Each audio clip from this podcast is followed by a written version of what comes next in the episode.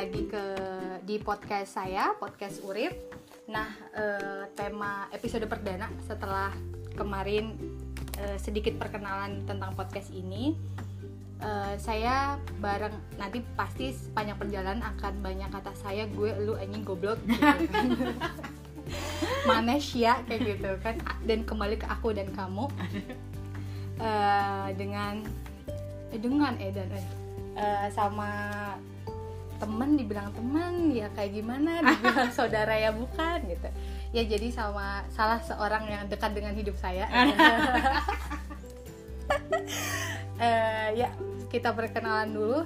Eh, kalau saya manggil dia menur kalau teman-teman yang lain manggil dia nui gitu. Enggak juga puasa. ya eh, jadi kita perkenalan dulu dengan rekan saya ada rekan hidup saya ada rekan hidup. Eh, Nuri ya silakan Halo, assalamualaikum. Loh, ya harus iya dong. Assalamualaikum warahmatullahi wabarakatuh. Perkenalkan nama saya Nuri, umurnya dua tiga. Pokoknya masih muda banget lah gitu. Jadi gua kenal Tice itu langsung nih perkenalan ya. Iya. Jadi kita tuh dulu satu kampus di salah satu salah satu universitas ternama ternama banget lah pokoknya tapi gue di situ nggak lama cuma dapat dua semester aja udah kayak gitu pindah tapi akhirnya TC itu dipertemukan. dipertemukan kembali di kota yang sama dan akhirnya kita tinggal bersama. hidup berdampingan. Apa sih kan ya udahlah kayak gitu. Pokoknya panggil aja aku Nui. Nggak anjir. Nuri. Ya jadi eh, podcast eh, hari ini eh, kita akan bahas soal yang lagi hype banget soal black per blackpinkan dan per BTS-an tapi bohong jadi eh, si Nuri ini atau Menur eh, mungkin saya akan lebih banyak manggil dia Menur. Menur pernah kemudian ini kita ngobrolin soal apa ya ngomong keputusan hidup kayak gitu ya. Iya. Ya eh dan keputusan hidup ini berat keputusan hidup jadi Blackpink gitu maksudnya apa? Enggak, enggak. Jadi eh, di dua tahun yang lalu ya, dua tahun tiga tahun. tiga Iya, tiga. 2016 Berarti tiga tahun ya, tiga Hmm. tahun yang lalu setelah selesai menempuh pendidikan sarjana, Mhm. akhirnya Nuri Sifaya eh Nuri Menur memutuskan untuk eh, melanjutkan kehidupannya di eh, negeri gingseng ya. Ada. Ada negeri gingseng ini berat. Iya ke Korea. Jadi kalau kalau mungkin sekarang orang-orang eh, apa interest atau banyak kemudian eh, pengen ke Korea atau pengen hidup di Korea, tinggal di Korea, traveling di Korea gitu. Ke Korea. Ke Korea dan mungkin dengan dunia per K-popan dan per drama Koreaan yang Per udah- opa-opa. ya per opa-opa per ajuma ajusinya gitu. Ya dan ya hafal itu kemudian yang membuat atau mungkin secara tidak langsung membrainwash orang-orang bahwa di Korea itu indah mbak dramanya. Mhm. Nah, kita nanti selama ya 45 menit lebih ya semoga nggak sampai 2 jam karena karena biasanya kalau ngobrol hampir subuh subuh. Tapi nanti kita akan padatkan. Jadi kita nanti akan ngobrol diskusi soal how living in Korea kayak gitu. Tapi balik tinggal di Korea tapi kan di situ ada banyak keputusan-keputusan yang diambil eh, sama kamu Nui kayak gitu kan. Sama bukan hanya sekedar Korea bagaimana aja. tinggal di Korea dan Korea itu seperti apa Ya. tapi kayak lebih kenapa Korea dan ya bagaimana gitu kan akhirnya gua memilih Korea. Korea gitu. gitu Maksudnya kenapa seorang eh, Nuri memilih Hmm. Korea gitu dengan dengan kemampuan dia dia mungkin bisa memilih Afrika Selatan Mhm. atau Kongo, Hmm, Kenya Bhutan. gitu, Bhutan gitu kan. Atau kemudian ke negara-negara Eropa atau Aha. bahkan di Amerika gitu. Hmm. Tapi kenapa kemudian memutuskan ke Korea? gitu. Oke? oke Gimana, Nui?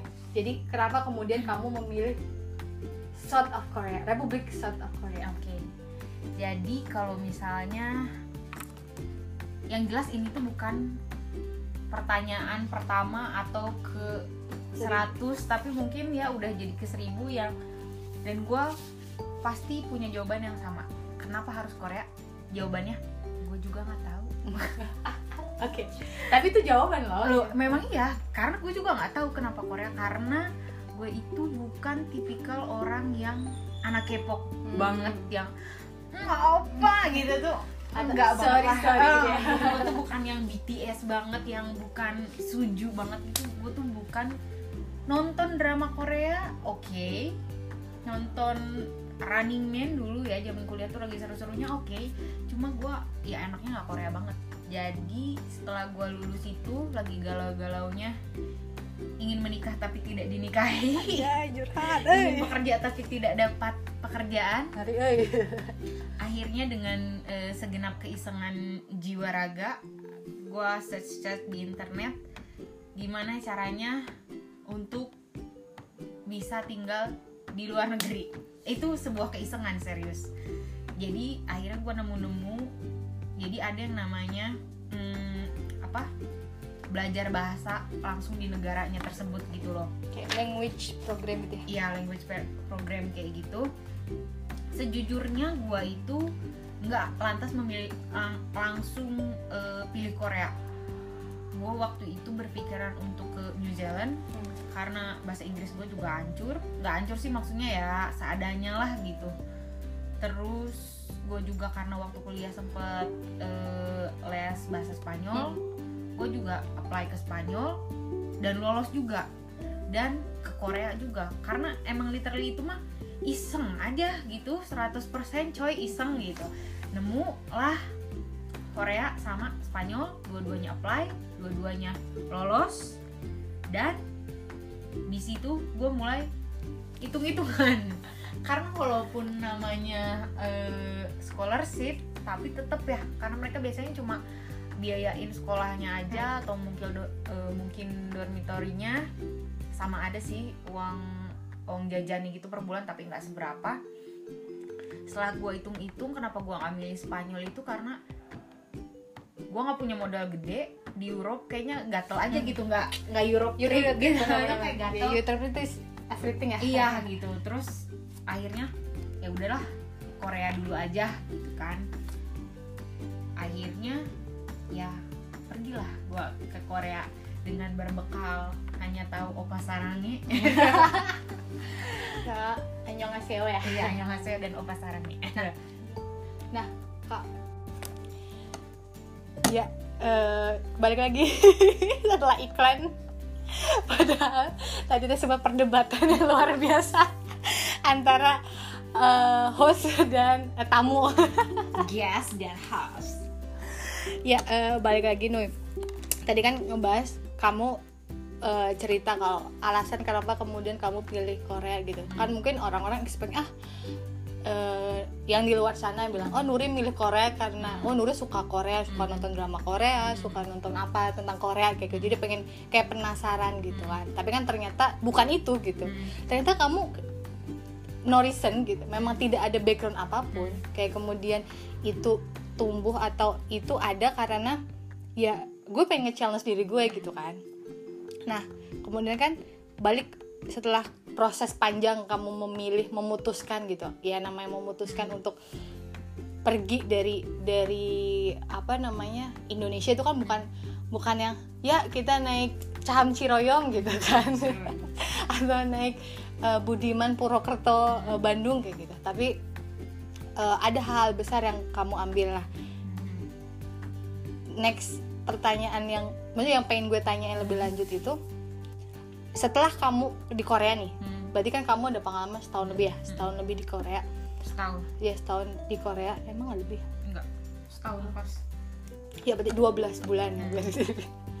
di Korea apa yang kemudian itu yang paling membekas di kamu gitu. Ya good point dari Koreanya.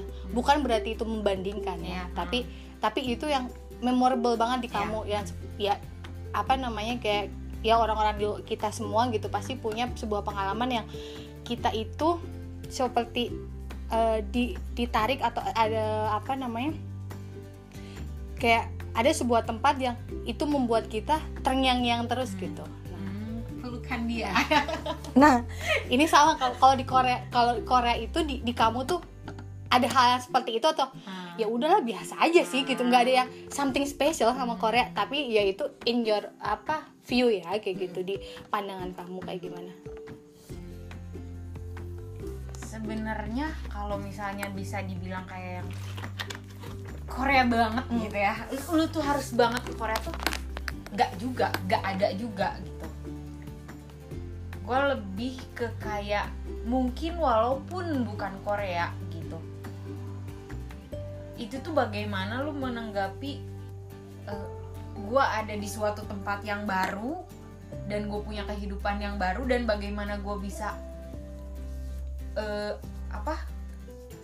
Nggak bukan ber ber ber apa sih? Aduh maaf ya pemirsa saya tuh kan multi language anak beradaptasi ya beradaptasi di lingkungan baru. Socialization ya. Ah, Ad- bukan adaptation ya. Adaptation gitu kan.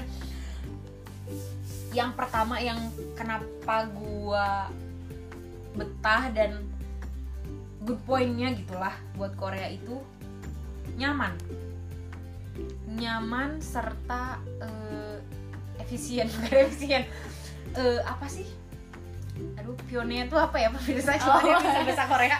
Eh, apa comfortable. Oh. Heeh. hidupnya tuh mudah.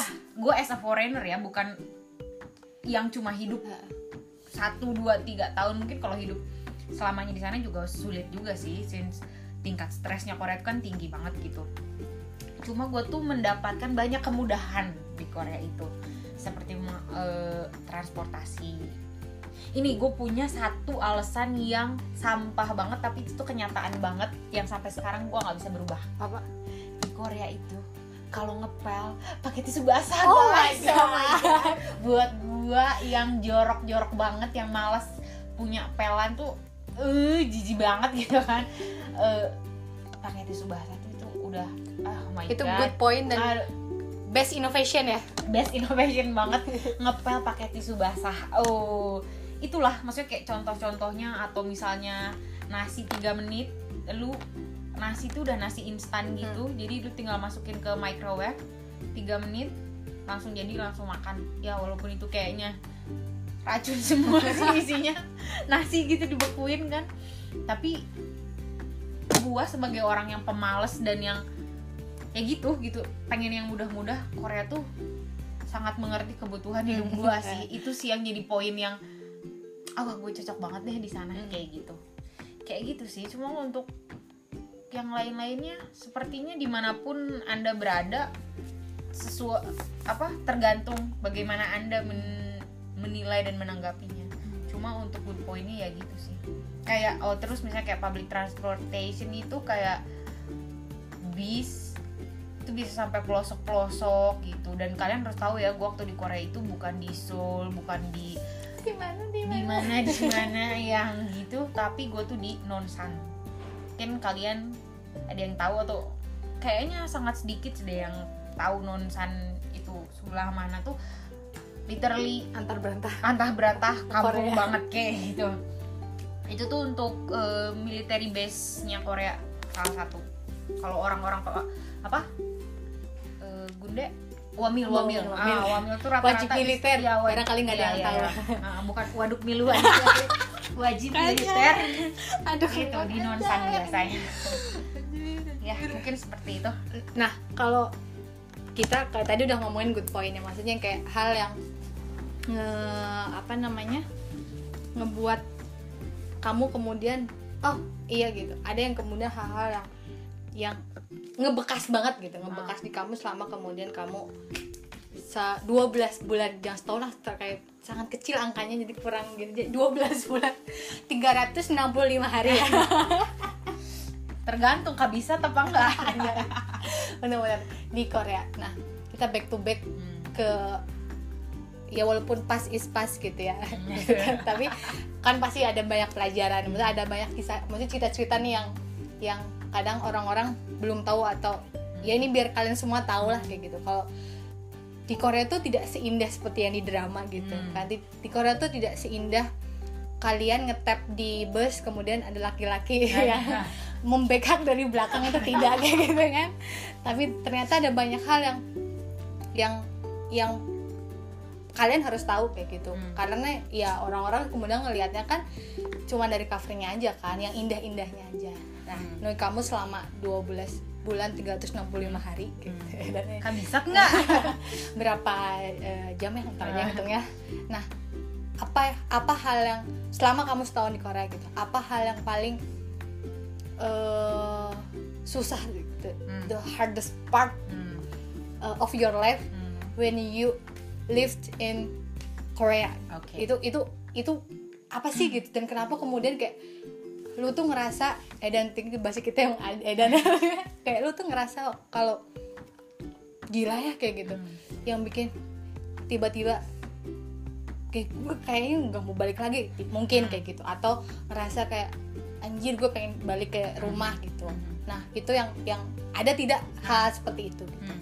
nah di sisi lain kemudian eh, ya pasti ada ada sebuah kesulitan ada keindahan Hmm. ada kebahagiaan gitu. Hmm. apa yang kemudian yang yang paling membahagiakan selama kamu setahun di Korea Hmm. gitu mungkin tadi kamu pernah mention mention soal ya soalnya kalau di, di di Korea kita tuh akan nemu pel tisu basah ya apa pel pel kayak tisu basah Ah. gitu kan yang bukan itu kayak emang Iya, literally iya, tisu basah yang itu yang kita pakai ya setiap hari ya di, di rumah kita ya nah apa namanya itu yang yang menurut kamu tadi ya hal kecil tapi ternyata memang itu kita butuhin loh. Ternyata lu lu apa lu butuh kayak gitu. Ya mungkin tidak semua orang butuh gitu kan. Ya mungkin ada orang-orang yang eh, higienis yang memang dia harus eh, bersih alkohol berapa persen kayak gitu kan. Apa namanya? Itu nggak butuh itu gitu. Hmm. tapi kan ternyata ada beberapa orang kayak kamu oh iya itu itu small thing tapi we need. Ya, gitu ada. kan. Ya, ada. Lit banget. So jadi kumaha ibu Nuri oke jadi untuk pertanyaan selanjutnya. Ya nggak pertanyaan selanjutnya Iya. obrolan selanjutnya. Ah, obrolan selanjutnya. Untuk dari hardest partnya dulu kali ya. Sejujurnya ya pasti ya gue di sana nggak bahagia terus ada susahnya. Tapi gue nggak pernah menganggap itu sebagai kesulitan. Hmm. karena gue happy banget di sana. Sampai kalau ditanya lu nggak kangen Indonesia? Nggak. Gue nggak mau balik gitu kan. Gue mau tinggal terus di sana. Mungkin hmm, as a minoritas kali ya. Jadi kayak gue tadi bilang jadi gue tuh tinggal di sana di kampung perkampungan literally kampung banget kayak gitu ya. Dan gue sekolah di sekolah kecil university tapi itu tuh kecil banget literally di bawah kaki gunung men. Jadi belakang kampus gue tuh beneran gunung itu mah li- literally coy. Nah jadi di sana tuh kayak orang mengenal Islam tuh kayak masih jarang gitu ya. Masih jarang mengenal Islam dan gue tuh satu-satunya as a muslim yang bersekolah di sana dan gue pakai kerudung ya. Itu tuh emang beneran diliatin dari atas sampai bawah. Pertamanya awkward sih. Cuma kan gue anaknya kayak attention whore gitu ya. Jadi gue tuh kayak bangga gitu diliatin kayak hat tutup keman Oh my gitu God. kan. Ya, kayak gitu tuh seneng sih gue kayak beberapa temen gue kayak lu nggak risih apa gitu diliatin orang dari atas sampai bawah kayak gitu. Kalau gue sih nggak karena gue merasa gue berbeda dari yang lain ya wajar ya. Gini lah orang tiba-tiba telanjang di tengah jalan itu tuh wajar banget kan diliatin orang. Ya gue juga sama aja karena gue berbeda dengan yang lain. Tapi as long as gue melakukan hal yang positif ya gue nggak masalah diliatin orang juga. Itu sempat jadi salah satu hal yang kayak masa sulit mungkin ya? Nggak masa sulit juga cuma kayak "Hmm, kenapa sih? Gitu. Tapi di situ gue sadar selama ini gue tinggal di Indonesia as mayoritas Hmm. taunya gue ke sana as a minoritas. Yang makan sulit lah yang gue pilih-pilih. Makanan setiap gue ke convenience store itu gue bisa di bulan-bulan pertama apa ya apalagi itu kayak milih makanan tuh bisa 20 menit abis sendiri cuma lihat ingredients makanan gitu loh. Itu bisa jadi sulit juga sih. Cuma lagi yang jadi good pointnya gue punya teman-teman yang peduli banget sama gue itu sih kayak mereka semua tuh. Jadi ada waktu itu kejadian satu anak Korea tiba-tiba bilang gue pengen kenalan dong sama Nuri katanya kayak gitu. Ganteng loh itu itu the real opa-opa itu Oh bener loh ganteng mukanya. Gue mau dong kenalan sama Nuri kenapa? Dan dia pas ngobrol sama gue dia cuma pengen nanya-nanya tentang hijab. Iya. itu tuh kayak yang akhirnya dari situ gue bisa mandang enggak kok as minoritas di situ tuh bukan suatu hal kesulitan gitu. Toh orang lain juga positif menanggapinya gitu. Dan gue senang aja sih kayak gitu. Terus mungkin kalau kesulitan lain ketika jadi kan gue di sana satu tahun tapi kalau semester itu kan per semester tuh cuma kayak empat bulanan gitu kan. Jadi ada dua bulan eh, libur gitu. Jadi gue sempat pindah kota ke Busan kalau Busan kayaknya banyak orang yang tahu ya kan sering buat ini kan Mm-mm. eh, drama gitu kan. Terus gue sempet pindah ke Busan. Di situ gue udah nggak beneran nggak punya duit karena udah nggak dapet duit Oh, bulanan beasiswa dari ya? kampus juga kan. Dari situ gue sempet part time. Part time itu yang literally itu lagi musim dingin coy. Bulan-bulan akhir Desember ya tahun baru lah Januari sampai Februari ya gue balik Indonesia Maret. Gue jualan di pinggir jalan jadi tukang roti literally roti bakar kayak gitu. Di pinggir jalan bener di pinggir jalan kayak gitu. Dan dingin banget. Yang minus sih waktu itu. Ya tapi biasanya minus sampai 7 lah paling anget kayak gitu itu ya lagi-lagi sih gue kan orangnya positif vibes gitu kan. Oh Jadi- my god ya. walaupun gue kayak kesulitan udah nggak punya uang tapi happy aja gitu. Karena gue banyak menemukan pengalaman baru. Di Indonesia gue mana mau jualan pinggir jalan coy jualan martabak. Ogah gue nah malas. itu. Tapi di sana gue happy gitu. Dan gue juga part time tuh dua sampai dua. Demi membutuh apa kebutuhan hidup coy. Terus gue juga part time jadi cleaning staff di eh, apa? Kayak housekeeping gitu ya? Uh guest house di guest house. Jadi gue emang beneran kerjaannya ngeberesin making bed terus beneran nyuci kamar mandinya dan bisa misahin sampah. Karena kan kalau di sana tuh sampah tuh harus Dipisah-pisah. terpisah emang harus terpisah. Kalau enggak kita didenda gitu loh. Iya iya. Uh, even di rumah gue juga langsung gitu. dendanya nggak main-main Iya dan gue sebagai cleaning staff itu gue harus misah-misahin yang literally gue nemuin kondom ada isinya. Tuh ya di situ itu pertama kali Oh, gue ya? liat kondom ya ada first time? Iya. Ya, emang iya. Sampah guest house lah gitu kan. Ya ya kan kayak apa sih? Mungkin kalau di sini kayak melati tiga kali ya? Nggak juga sih kok. Dan kebetulan guest kayak house gua- hostel. Eh, hostel tapi ya premium ho- premium guest house gitu. Ah. jadi kayak itu sebenarnya setara hotel juga tapi karena mereka nggak punya eh, apa nggak punya tempat parkir jadi bilangnya premium guest house kayak gitu. Itu keren sih kayak gitu. Cuma ya tetap aja. Kayak gitu sih cuma ya happy kayak gitu. Dan gajinya juga coy lumayan banget gitu. Itu sih itu sih jadi kayak sulit tapi ketika gue bandingkan ini tapi gue bukan berarti banding bandingin ya Ah. kan ini lagi ceritanya eh, apa pengalaman share iya pengalaman. up and down gue selama di sana Hmm. kayak gitu. Itu sih yang pengalaman yang nggak yang gue nggak lupa sama sekali kayak gitu. Iya sih kalau kalau kemudian kayak kayak tadi ngomongin apa namanya eh di apa dibahas soal gaji salary dan sebagainya gitu. Itu kan kemudian juga harus dilihat biaya hidup di sana kan gitu. Apa namanya di, di sana buat kosan kasarannya gitu kan. Hmm. buat kosan buat makan di warteg gitu. Hmm. atau buat eh, apa namanya ke Alfamartnya Korea kayak Hmm. gitu itu kan memang emang ya pasti akan beda. Bagi dengan kurs rupiah. Kadang kan orang-orang selalu ada beberapa orang yang udahlah gue keluar aja kayak gitu. Gajinya gede harus dilihat dulu kan dilihat dulu ininya kayak gitu. Sebenarnya kalau lu mau kayak gue dulu sih gue emang part time juga nggak lama kan cuma dua bulan gitu. Jadi gue nggak sempet nabung nggak sempet dapet duit banyak kayak gitu memang iya hidup di sana juga ya memang eh, mahal juga. Cuma ketika lu mau eh, apa namanya? Berhemat. Berhemat tuh bisa. banget bisa banget. Karena itu kenapa gue bilang poin di sana tuh nyaman banget? Gue bisa makan murah tapi nikmat dan banyak gitu. Jadi kayak cukup makan 3500 tiga ya memang sekali makan di sini hitungannya berarti 3500 bisa 50 ribuan kayak Hmm. gitu kan. Ya ikut hitungannya mahal. Tapi sana tuh udah kenyang deh itu kebilang murah kayak gitu. Dan mengingat porsi di sana tuh rata-rata banyak kan. Jadi kayak kalau misalnya kita gitu ya? kayak misalnya kita pergi nih misalnya bertiga kita tuh pesan makanan dua porsi aja gitu cukup. Kayak misalnya ke kafe nih ya kafenya tapi nggak fancy fancy banget gitu ya. Bukan cafe Big Bang. Bukan cafe BTS ya. Gue nggak pernah? Emang ada? Ada kan yang hype banget di travel traveling traveling. Oh iya tuh kan gue tuh nggak tahu anaknya nggak cukup banget.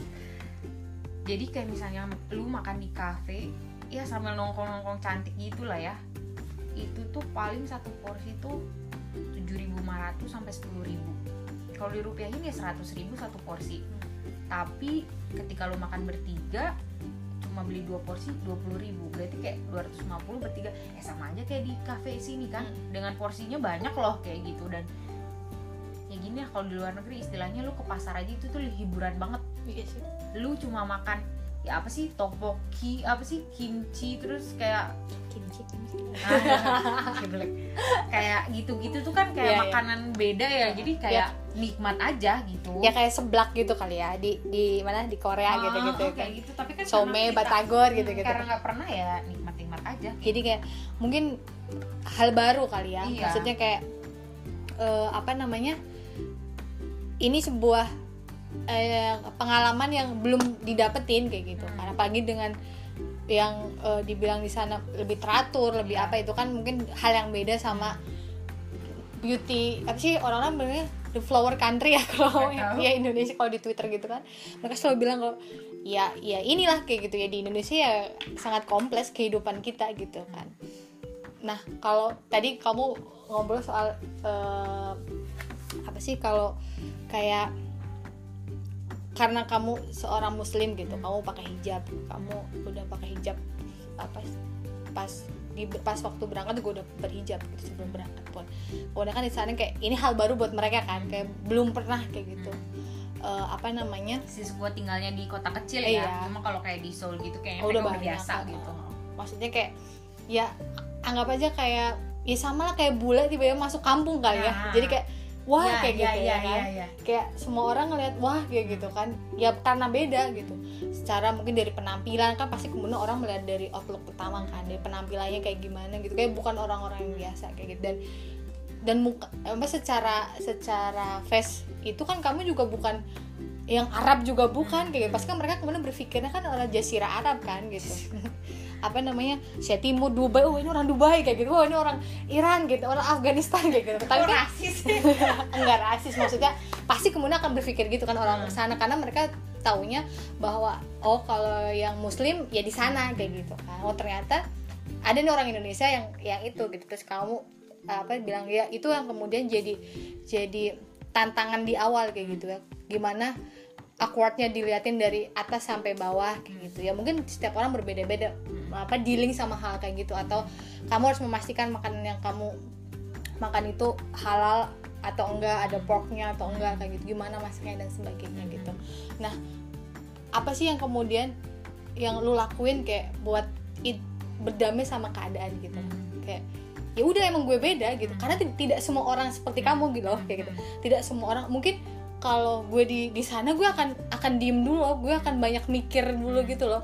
Mungkin bisa jadi kalau yang dia tidak tahan imannya Hmm. dilepas kan kita nggak Nah. tahu kan gitu. Karena ya yang namanya apa sih stigma orang gitu atau kemudian pendapat asumsi orang gitu itu kan pasti bisa bikin membuat kita nggak nyaman kan kayak gitu. Itu yang kayak gimana sih lu bisa dealing gitu dealing sama itu gitu. Sampai kemudian ya lu bisa berdamai sama mereka semua gitu. Akhirnya justru kayak tadi lu cerita ada orang kemudian pay attention sama gue gitu. Dan dia malah nanya-nanya soal soal soal apa background gue yang muslim kayak gimana kenapa pakai hijab dan sebagainya gitu. Ya gitu sih karena gue kan tipenya senang diperhatikan gitu kan. Haus akan perhatian. Jadi mohon maaf ini yang mendengarkan barangkali ada. Nanti bisa nanti saya akan kasih email. Lanjut. IG lah IG iya anjay jadi kalau gue sih lebih menikmati being different gitu ya. Jadi kayak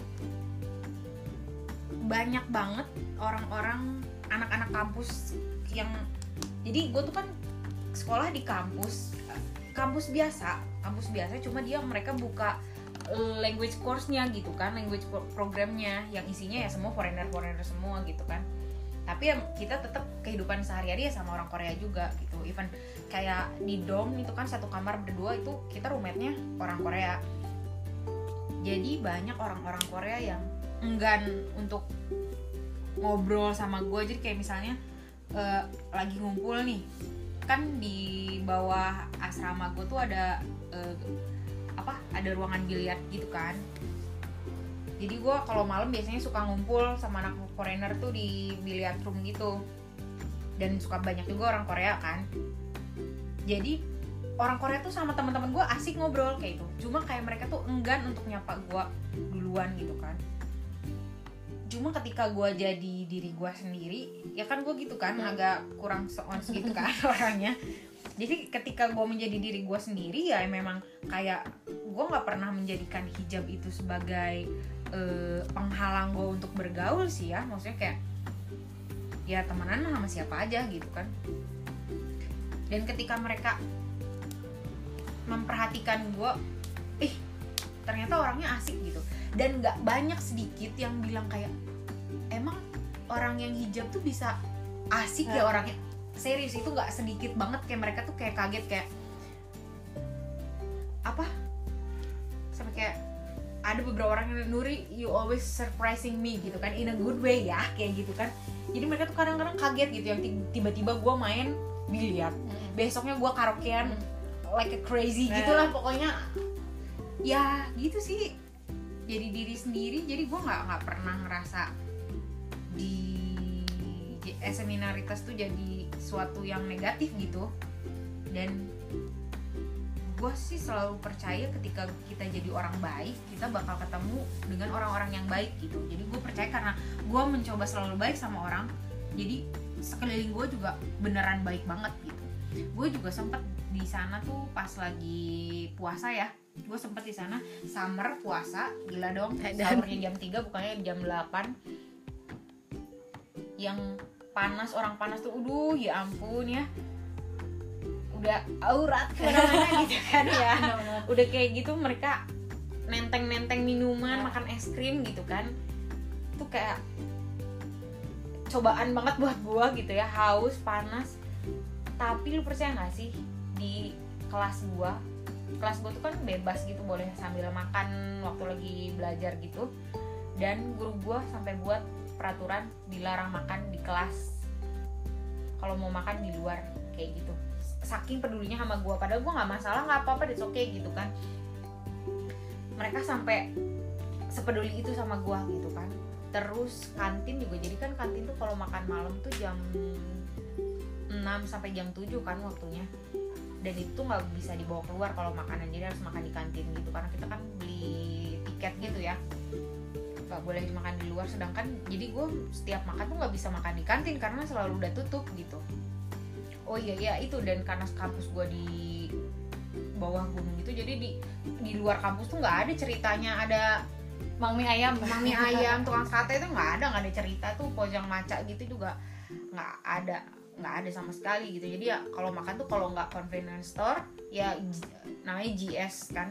GS tuh ya Indomartnya gitu lah. Kalau nggak di GS itu ya di kantin gitu pilihannya.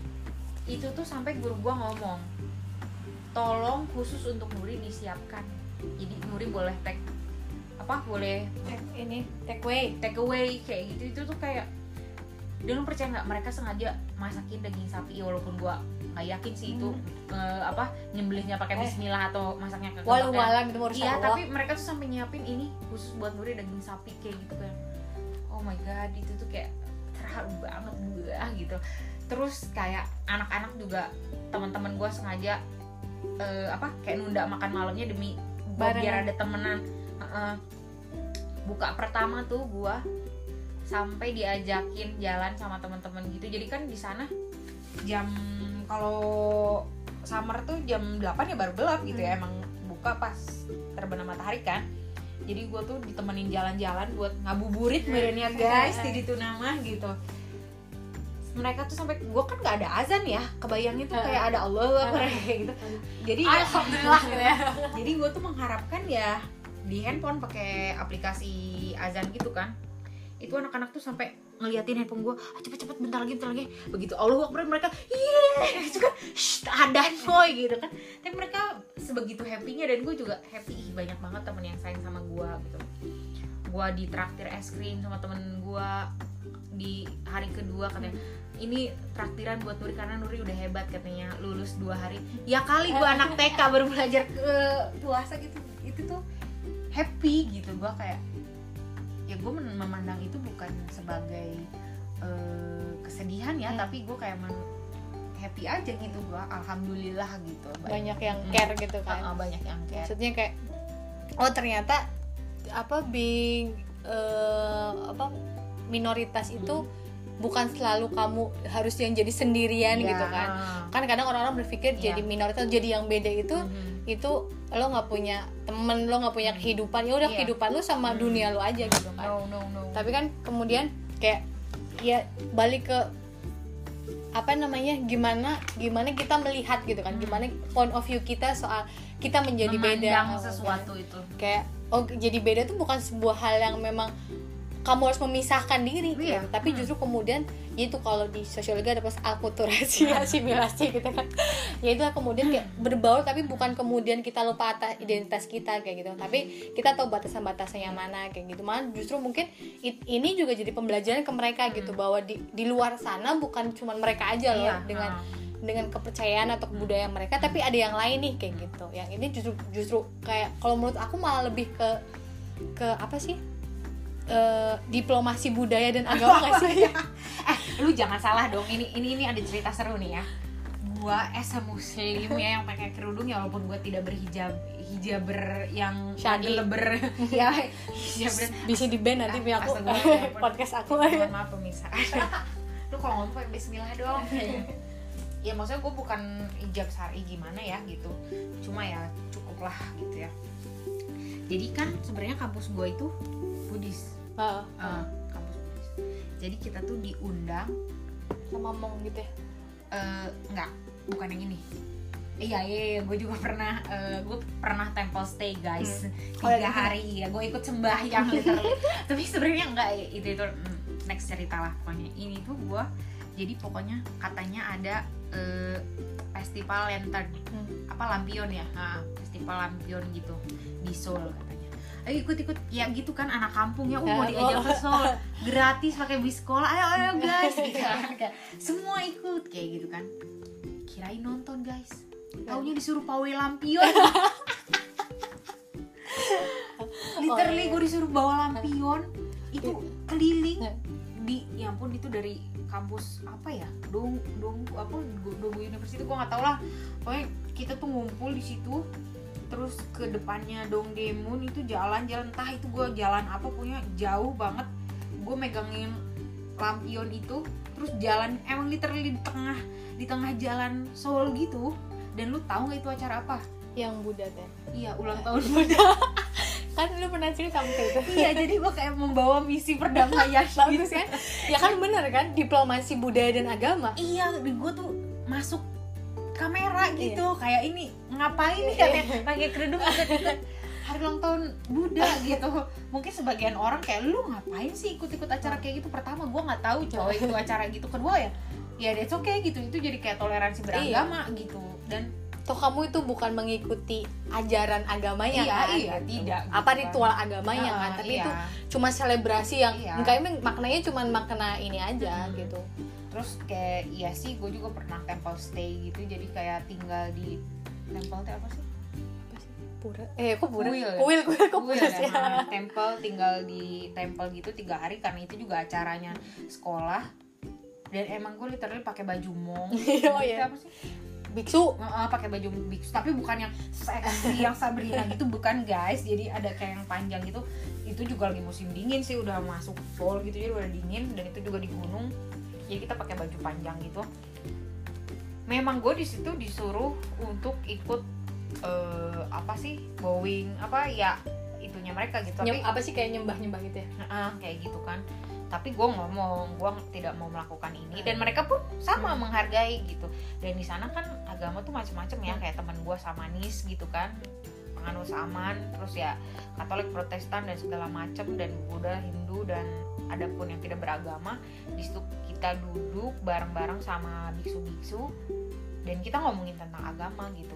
Emang kan sujud ya mereka tuh memang sujud 33 kali sujud apa 330 gua lupa deh 33 apa apa 180 gue lupa deh pokoknya kayak nggak jelas gitu kan. Tapi gue di situ menghargai karena mereka nanya bukannya di Islam juga ada sujud? Iya. iya, sujudnya gue kayak gini dan Samanis juga ada sujudnya Samanis seperti apa sujud kayak gitu dan kita kayak as a representatif dari agama masing-masing dan happy banget sih maksudnya kayak gue mendapatkan di sini banyak ma- insight kali ya? iya kayak gitu kayak ya seru aja sih buat pengalaman yang memang eh, tidak terlupakan itu sih kayak gila. Gua gua jam 3 subuh disuruh keliling-keliling. Cool kuil sambil bawa pentongan yang oh ya mungkin kalau yang bingung nonton film apa? Kayak gitu asli kan gue kayak terus ini gue gue sampai wirid dong ya Allah ya Allah ya Allah. Gue kalau mati di situ udah kelar hidup gue kayak ah udahlah ini langsung golden ticket tuh neraka. Gitu. Ya jauh juga sih cuma kayak welcome to the hell gitu kan. Kayak gitu cuma ya. Jahanam banget aja gitu kan. Meninggal di mana? Kuil lah gitu iya apa tuh kan lu ih. Astagfirullahaladzim. kayak gitu. Jangan ini. Hmm, ya, jangan bilang baik-baik lah. Kayak gitu. Tapi ya ya sekali lagi sih bagaimana lu menanggapi hal tersebut gitu memandang hal tersebut sih. Kayak gitu sih. Seru. Ah. seru guys. Ya ini baru Edan nih kayak nanti aku bakal buat part 2 lah ya. tapi harus yang banyak dulu mendengarkan dan men-share aja. Biar nanti aku udah dapat notif. Eh, sudah didengarkan seribu orang. Ada. Nanti kita akan lanjut ke we want more jadi lu belaga banget. Apa namanya? Kayak tadi yang di apa jelasin sama menurut soal yaitu eh, artinya eh, jadi beda atau kemudian jadi hal-hal yang jadi yang tidak sama gitu. Hmm. tidak sama walaupun tapi ingat karena yang tidak sama itu pasti akan bertemu di mana? Di common space. Aduh. bener nggak?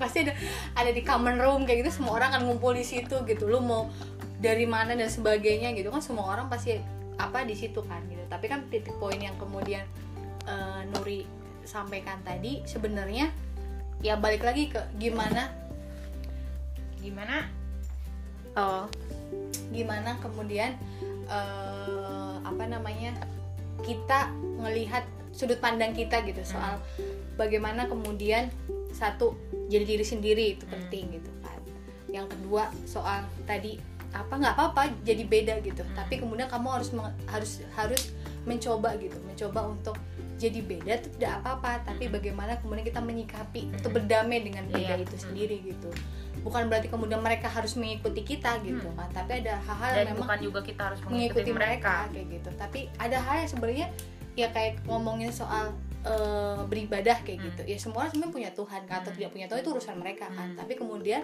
ya ini yang kamu kerjakan gitu ya Hmm. kamu minta mereka menghargai begitu juga ketika mereka mengajukan ya kamu menghargai hal kayak gitu kan Hmm, hmm, hmm. jadi kalau dilihat ah perjalanan obrolan ini sangat luar biasa. Dari ke tisu eh, kain pel gitu, sampai mau mati di kuil ya guys. Tapi kalau kalau tadi tadi di, di review sekilas sih Hah? sepertinya ini ada hal-hal yang maksudnya manis semua nih kayaknya nih kayak gitu. Walaupun emang gue orangnya positive vibes gitu apa namanya eh, hal-hal yang ya walaupun kemudian ada hal yang tidak mengenakan di awal tapi kemudian eh, you can dealing with this Iya, kan iya, gitu iya. tapi emang tidak maksudnya pasti adalah di hidup kita gitu kan Hmm. ada satu satu hal yang kejelekan atau Hmm. ketidakbaikan gitu Hmm. di di Korea itu kayak gitu Hmm. Jadi ada satu poin yang bikin gue sadar setelah gue tinggal di sana ya. Maksudnya satu tahun lah gitu. Kan gue orangnya tuh seneng merhatiin sesuatu banget kan. Yang gue buat sadar itu Korea itu terlalu sama. Gimana ya? Mereka tuh susah untuk menjadi berbeda. Itu contohnya contohnya. make up Ya, contoh make up. oh iya iya make up tuh bisa sama lagi happening gitu. apa semua Iya pakai misalnya punya lipstick lipstick satu tuh pasti semua sama kayak gitu Oh, iya. terus yang yang pernah bikin gua sadar banget tuh waktu lagi winter jadi gua kayak ke tempat eh, kayak hot place-nya gitu kan nggak hot place juga sih ya pokoknya ke satu tempat yang tempat kayak banyak street food terus banyak toko-toko macam-macam kayak gitulah. Itu gue tiba-tiba lagi jalan di tengah terus begitu pek gue ngangkat kepala gue semua orang tuh pakai baju hitam pakai padding hitam pakai coat hitam semua. Paling tuh abu lah paling beda tuh ya. Memang ada juga satu yang brand pakai putih yang satu pakai merah atau apa. Cuma ya itu satu dua gitu. Dan pertama gitu doang ya. Itu gue tek gila hitam semua gue bilang kayak gitu. Terus sampai gue sadar gue pernah nonton YouTube. Jadi pernah mereka tuh mikir kenapa sih semua orang Korea pakai long padding black long padding gitu loh lo tau gak sih kalau kalau lu tahu idol idol gitu Mhm. suka kayak kepompong Oh, gitu loh iya. Ah, itu kan namanya padding ya mereka bilangnya padding itu mereka kenapa selalu padding hitam tuh kenapa gitu usut punya usut setelah gue juga banyak baca-baca gue juga banyak nonton-nonton kayak gitu karena mereka tuh takut untuk menjadi Beda. berbeda kayak gitu jadi mereka tuh kayak takut untuk jadi beda tuh ya gue nggak mau jadi tiba-tiba nonjol sendiri gue pakai merah gitu tuh. kuning gitu ya Heeh. Dan lu bayangin dong, gue waktu itu tinggal di Nonsan. Gue kalau main tuh ke Daejeon, eh, jadi kayak kota de- kota besar di terdekat dari kampus gue itu Daejeon. Gue beli baju satu, dan gue waktu pindah ke Busan itu gue bawa dan nemu dong oh, toko yang jualan baju sama dan Anjir.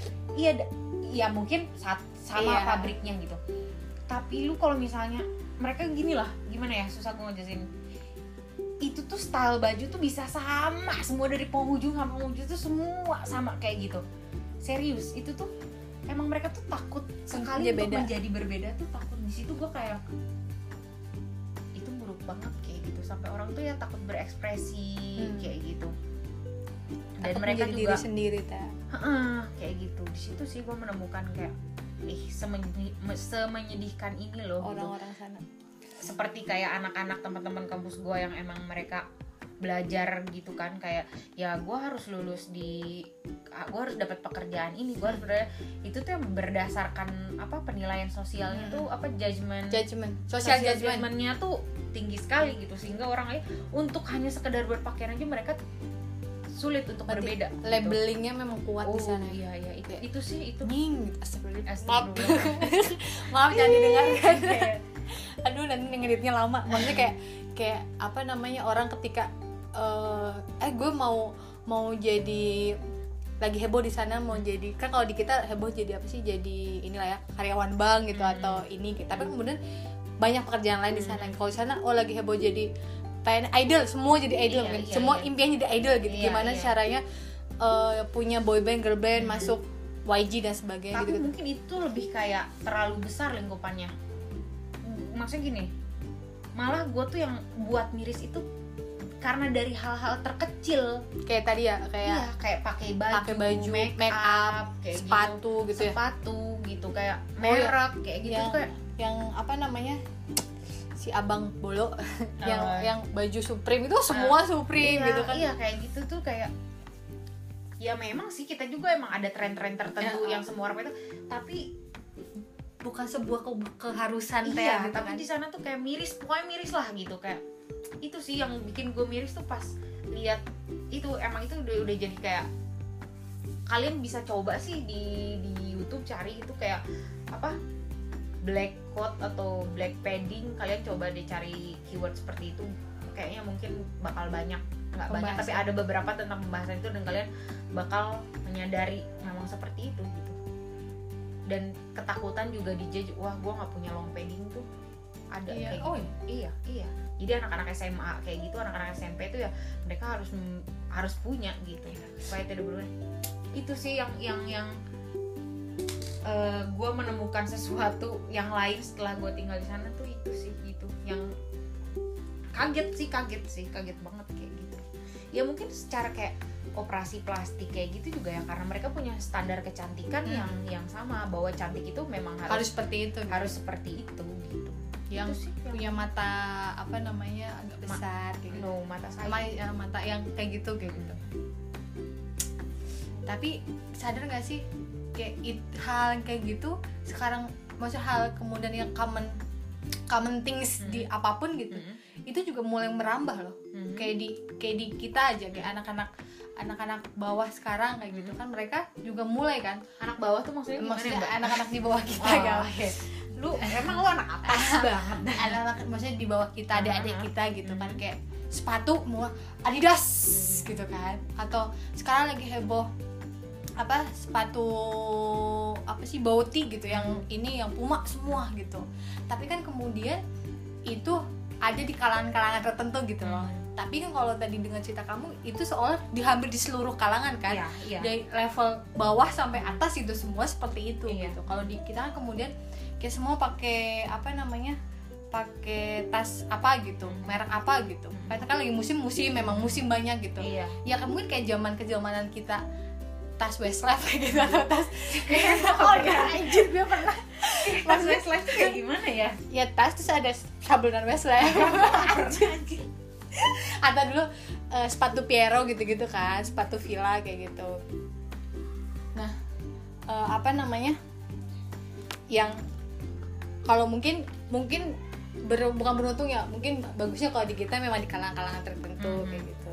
Ya sama aja kayak musim apa Milo itu namanya es kepala Milo ya semua es kepala Milo gitu ya tapi kan itu kemudian bukan tidak mendarah daging kan Mhm. tapi kalau tadi dengar cerita Nuri kan itu ternyata mendarah daging kan Wi. maksudnya Iya kayak sih, jadi kayak udah bukan sekedar style atau sekedar eh, apa tren gitu aja Mm-mm. tapi udah masuk ke psikologis, Oh, psikologis gitu loh jadi itu jadi bagian hidup mereka gitu loh iya iya iya iya kayak mungkin lagi musim lipstick brun brun gitu semua pakai lipstick brun brun Apa gitu sih? Brun brun itu yang dipakai idol idol kayak kok lu tahu sih? Nggak tahu. Baca tuh. Oh, iya, iya, iya. kayak ini nge-review apa loh? Mohon Aduh. maaf. Ya maaf lah eh, apa selingan selingannya ya guys. Oke eh dah, dah, dah.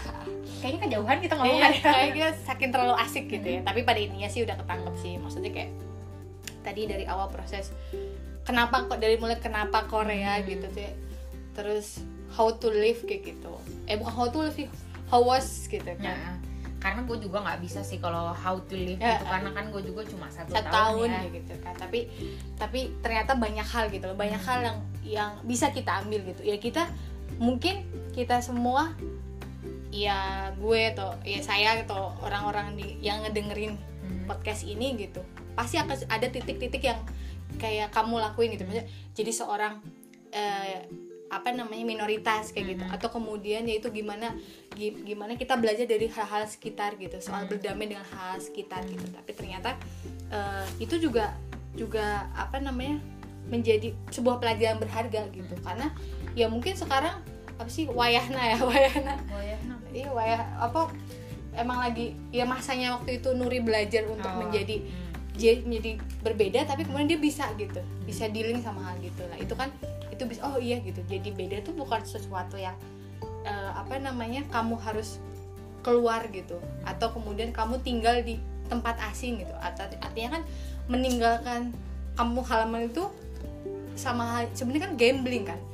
Artinya kita nggak tahu nih teman-teman kita akan baik kayak Ah. gimana atau kemudian lingkungan kita harus kayak gimana gitu. Tapi kan kemudian kayak tadi yang lo bilang ya kalau gue kayak ya lu bilang prinsip-prinsip lo ya kalau gue baik ya gue harus baik sama orang nanti orang akan baik, Baik sama, sama gue gua. gitu itu kan sebenarnya ya lu nggak usah lah me- apa namanya pakai filsuf siapa Hmm. untuk pedoman hidup gitu tapi kemudian hal yang kayak gitu kan hal kayak ya kalau lu baik sama orang orang tuh akan baik, Baik. gitu tapi ya memang bukan kemudian secara langsung ketika kamu baik kamu akan dibaiki gitu Hmm. tapi kan kemudian ada prosesnya gitu oh orang akan melihat gimana apa yang kemudian kita lakuin kayak gitu gitu itu yang jadi poin yang harus digarisbawahi. Hmm. terlepas dari obrolan-obrolan ke sana kemari Iya. kita gitu. Nah. Agak eh, eh, eh, gitu kan ya. minum dulu dong. Ada, minum apa nih? So jenis sejelas astagfirullah gitu kan. Nah eh, kemudian dengan pengalaman kamu tadi setahun ya kalau menurut gue sih setahun bukan hal yang eh, apa namanya cuma-cuma sih.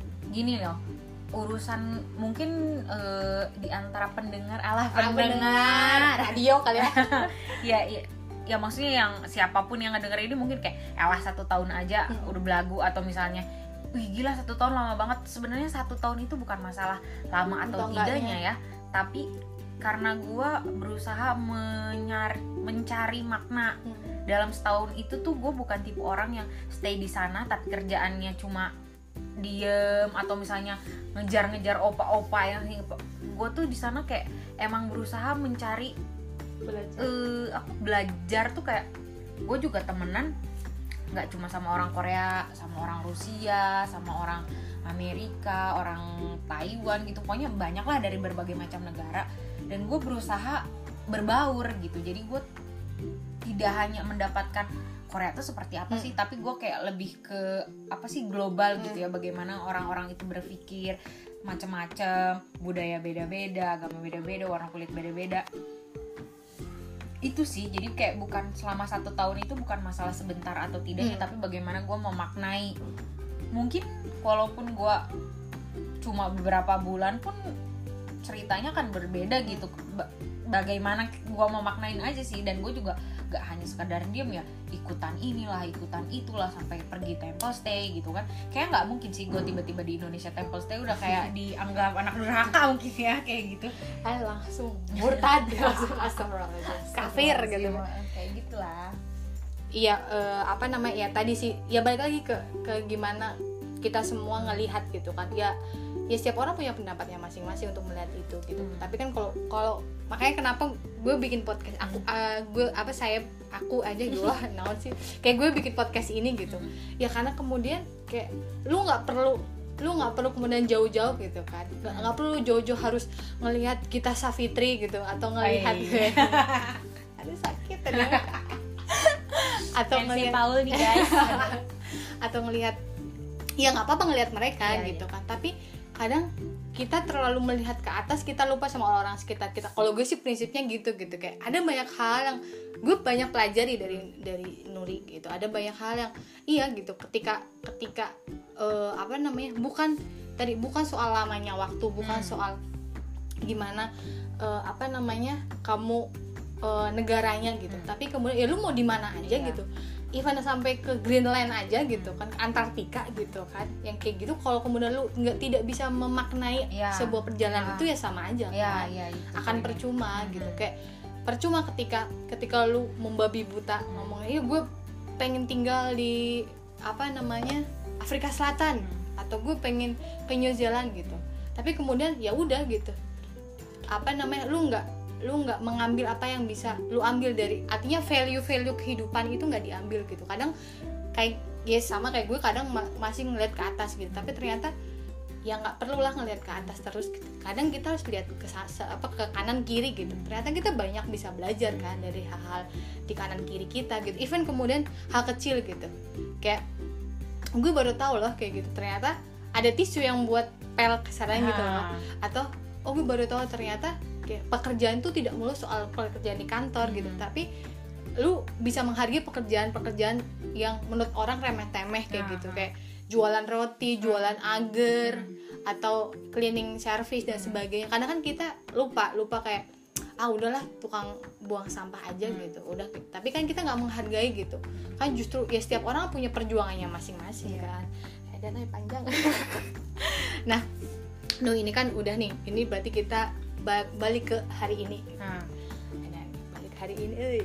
nggak mau balik maksudnya balik ke masa sekarang gitu setelah dengan pengalaman pengalaman flashback eh, eh, setelah back to backnya Hmm. kita lewat apa namanya eh, mesin waktu Eh, apa namanya tiga tahun yang lalu Hmm. gitu nah ngomongin yang hari ini nih Hmm. kalau kamu sendiri gitu Hmm. dengan pengalaman yang kemarin-kemarin kamu tinggal di negara orang apakah kemudian sekarang Hmm. kamu eh, apa berpikir gitu berpikir kayaknya gue harus balik lagi ke Korea contohnya atau oh kayaknya gue harus nyoba ke negara lain gitu Hmm. nah kalau kalau kamu kamu yang sekarang tuh posisinya seperti apa Ah, kayak ah. gitu kalau gue sekarang itu memang jujur sedang ingin kembali gue lagi pengen banget ke Korea balik lagi ke Korea kenapa? Jawabannya Kak? eh pertanyaan kenapa? Kan mengapa? Karena gue itu tipe orang yang kalau mengerjakan sesuatu itu harus sampai akhir. Gue ke sana untuk belajar Korea untuk sat- satu tahun. Itu tadi satu tahun itu bisa dibilang lama bisa dibilang sedikit terserah tanggapan orang pandangan orang. Tapi yang jelas gue merasa gue belum maksimal. Gue tuh masih mm, setengah-setengah belajar Korea jadi gue tuh kayak pengen menuntaskan Korea gue gitu. Gue tuh pengen ya gue udah melakukan ini setengah loh. Jadi gue pengen maksimalin ya udah ayo gitu.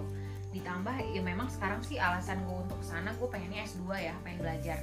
Jadi gue apply beasiswa lagi untuk S2 Eh, itu juga sih balik lagi kenapa gue apply ke Korea dengan jurusan yang gue ambil sekarang ini yang gue pengen itu karena gue juga kebetulan sekarang bidang yang sedang gue kerjakan itu gimana sih kayak pekerjaan gue Hmm. itu berhubungan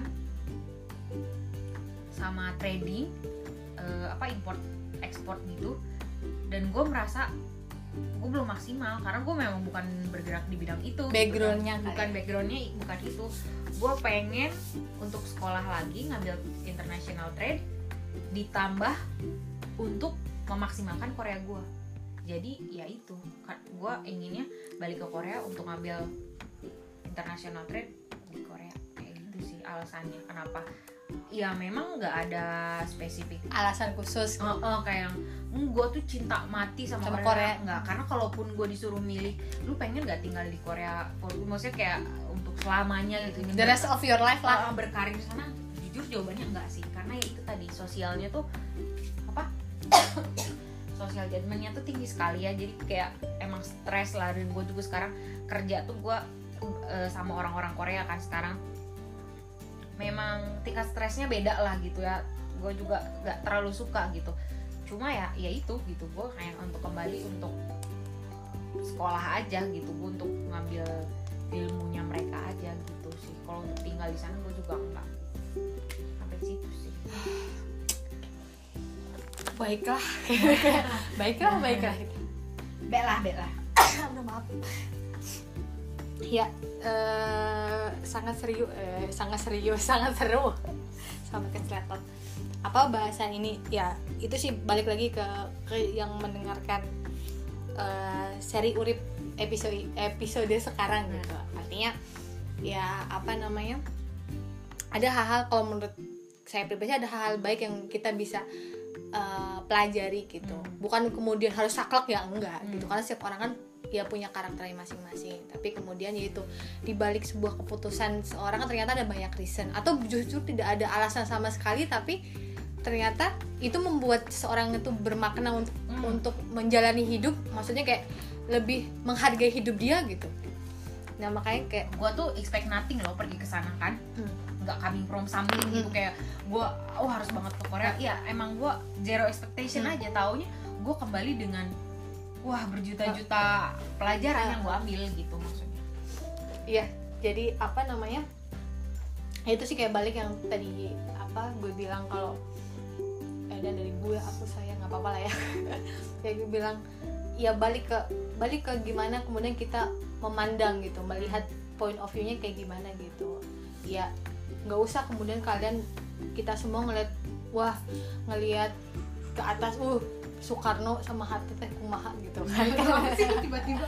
Ya kan ada orang itu kan? Maksudnya kayak orang ngelihat tapi kemudian ya orang-orang sekitar kita mungkin dari orang yang nyuciin baju kita kita bisa belajar banyak Hmm. gitu kan. Sama halnya kayak kayak kenapa kemudian eh, kayak gue minta kamu buat ngisi ngobrol ini kan biar orang juga tahu gitu. Kayak nggak semua orang yang pergi ke Korea itu karena BTS atau Blackpink kayak gitu kan. Ada yang kemudian orang tidak berekspektasi apa pun kayak gitu. Atau kemudian ada orang yang tujuannya hanya untuk escape ya atau kemudian orang yang ya udah gue mau belajar gitu. Hmm. atau kemudian oh gue mau nyoba eh, apa namanya comparing gitu. Hmm. kayak gue pengen tahu gimana rasanya tinggal di di suasana yang beda dengan mungkin dari iklimnya atau dari uh, budayanya kayak gitu oh iya dan ada satu lagi sih yang bikin hmm, apa ya istilahnya kayak gini lah ceritanya. Eh, lupa gue mau kebiasaan Nuri Nuri.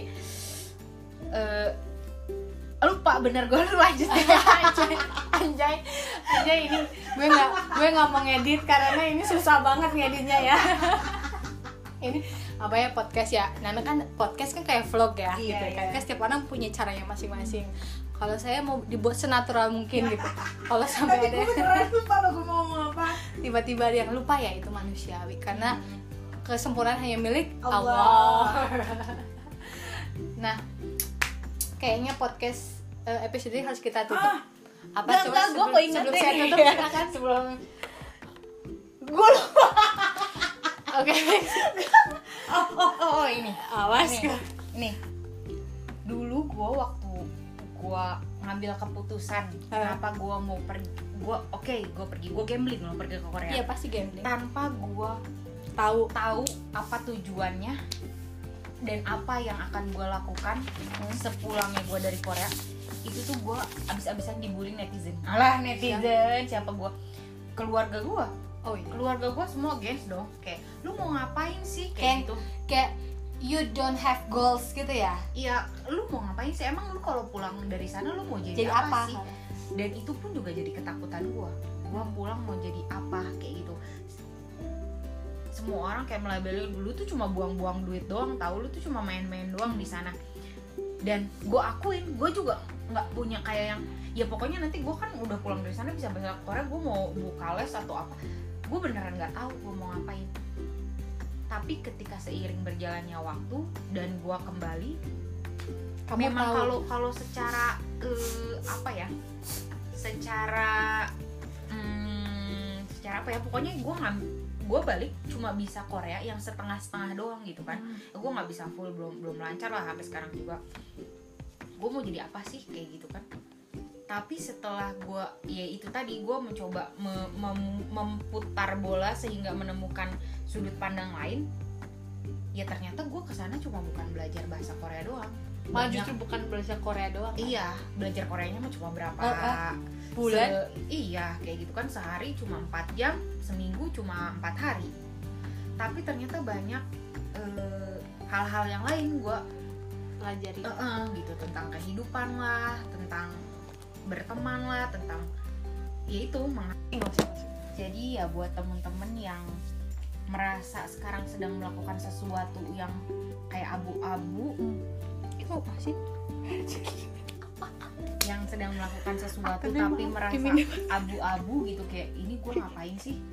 Kalian jangan eh, jangan berkecil hati jangan takut coba deh kalian putar itu bola coba eh, cari sudut pandang lain. Itu tuh pasti ada maknanya. Dari apa pun yang kalian kerjakan itu tuh pasti eh, bermakna ada makna yang bisa kalian ambil gitu. Tergantung kalian mau ngambil dari sudut pandang mana kayak gitu. Jadi ya itulah pesan Dan pesan. kesan. tanpa kehadiranmu anjir apa sih? Ya akhirnya setelah per minum itu hampuran. Ini orang kayak ini hampuran apa namanya? Setelah obrolan yang sangat seru dan dan lu masukin sampah ke botol susu gua yang masih gua minum. Maaf maaf. Intermezzonya luar biasa. Aku sambil lupa sambil mau ngomong apa. Ya pokoknya terima kasih yang sudah mendengarkan. Terima kasih yang sudah meluangkan waktu karena ini podcastnya hampir satu jam Eh, apa namanya nanti ini pasti akan satu jam lebih dikit lah ya nggak apa-apa lah sambil nemenin lagi nyuci baju nyetrika kayak gitu. Atau lagi nungguin chattingan balasan atau telepon dari siapa gitu. Atau lagi janjian sama temen sambil ngedengerin kayak gitu. Eh, apa namanya semoga apa yang tadi kita obrolin eh, bisa jadi apa namanya insight baru lah kayak gitu. Kayak point of view baru buat teman-teman semua yang ngedengerin ini bukan berarti kemudian kita paling benar ya enggak gitu. Hmm. setiap orang punya pendapatnya masing-masing setiap orang punya apa namanya argumennya masing-masing. Tapi kalau kalau apa namanya mau mau diambil yang baiknya kita seneng. Tapi yang tadi yang buruk-buruknya ya jangan diambil Mhm. kayak gitu. Karena sekali lagi sempurna. Milik Allah tapi yang paling penting eh, balik ke pembahasan ini intinya adalah kadang ada banyak hal-hal yang bermakna yang bisa kita ambil dari orang-orang yang biasa gitu. Maksudnya kita tidak harus kemudian melihat orang-orang yang di atas kita itu bisa jadi jadi sebuah motivasi gitu. Tapi banyak kemudian hal-hal yang baik yang luar biasa yang bisa kita ambil value-nya diambil nilai-nilai baiknya dari orang sekitar kita. Oke sampai ketemu di podcast minggu depan dengan bahasa yang lebih menarik lagi semoga. Semoga narasumbernya tidak jumping-jumping lagi. Jadi gitu. enggak. Maksudnya kan harusnya kamu di episode kelima gitu tapi dimajuin dulu. Ba- eh, ketemu lagi di hari Jumat. Jumat minggu depan ya kalau kalian ngedengerinnya Jumat yang apa yang pokoknya di setiap Jumat di pukul 23.23 bye semuanya. Bye.